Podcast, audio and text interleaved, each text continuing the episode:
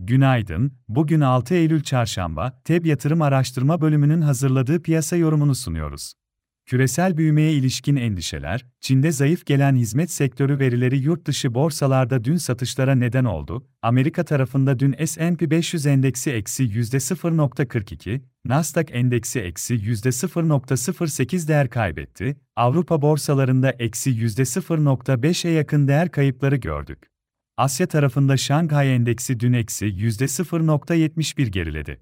Yurt dışı borsalar bu sabahta genelde satıcılı tarafta seyrediyor, büyüme kaynaklı endişelerin endeksler üzerinde olumsuz etkisi sürüyor. Suudi Arabistan ve Rusya'nın üretim kesintisinin yıl sonuna kadar uzatacakları haberleri ile petrol fiyatları yükseldi. Brent tipi petrol bu yılın en yüksek seviyesi 90 doları gördü.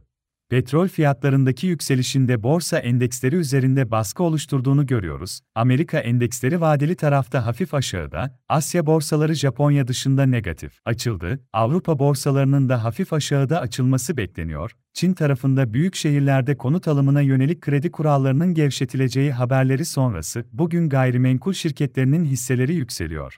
Amerika'da bugün dış ticaret dengesi verileri ile ISM Hizmet Sektörü Endeksi ve 5 kitap raporu bulunuyor. Euro bölgesinde perakende satışlar verisi gelecek, yarın büyüme verisi önemli olacak.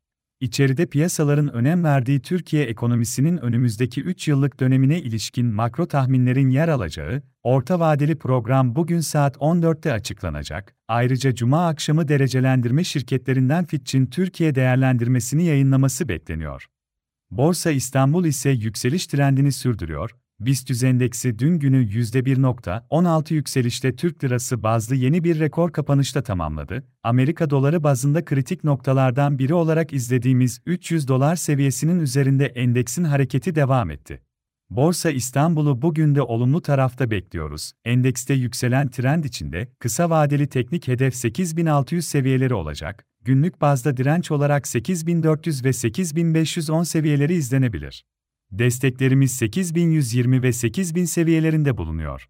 Hisse tarafında ise teknik olarak kısa vadeli alım yönünde Akçansa, Aksigorta, Albaraka Türk, BİM, Coca-Cola, Emlak Gayrimenkul, Enerjisa, Fonet Bilgi Teknolojileri, İskenderun Demir Çelik, İş Finansal Kiralama, Koç Holding, Migros, Özak Gayrimenkul, Türksel, Türk Hava Yolları, Yapı Kredi Bankası hisselerine bakılabilir.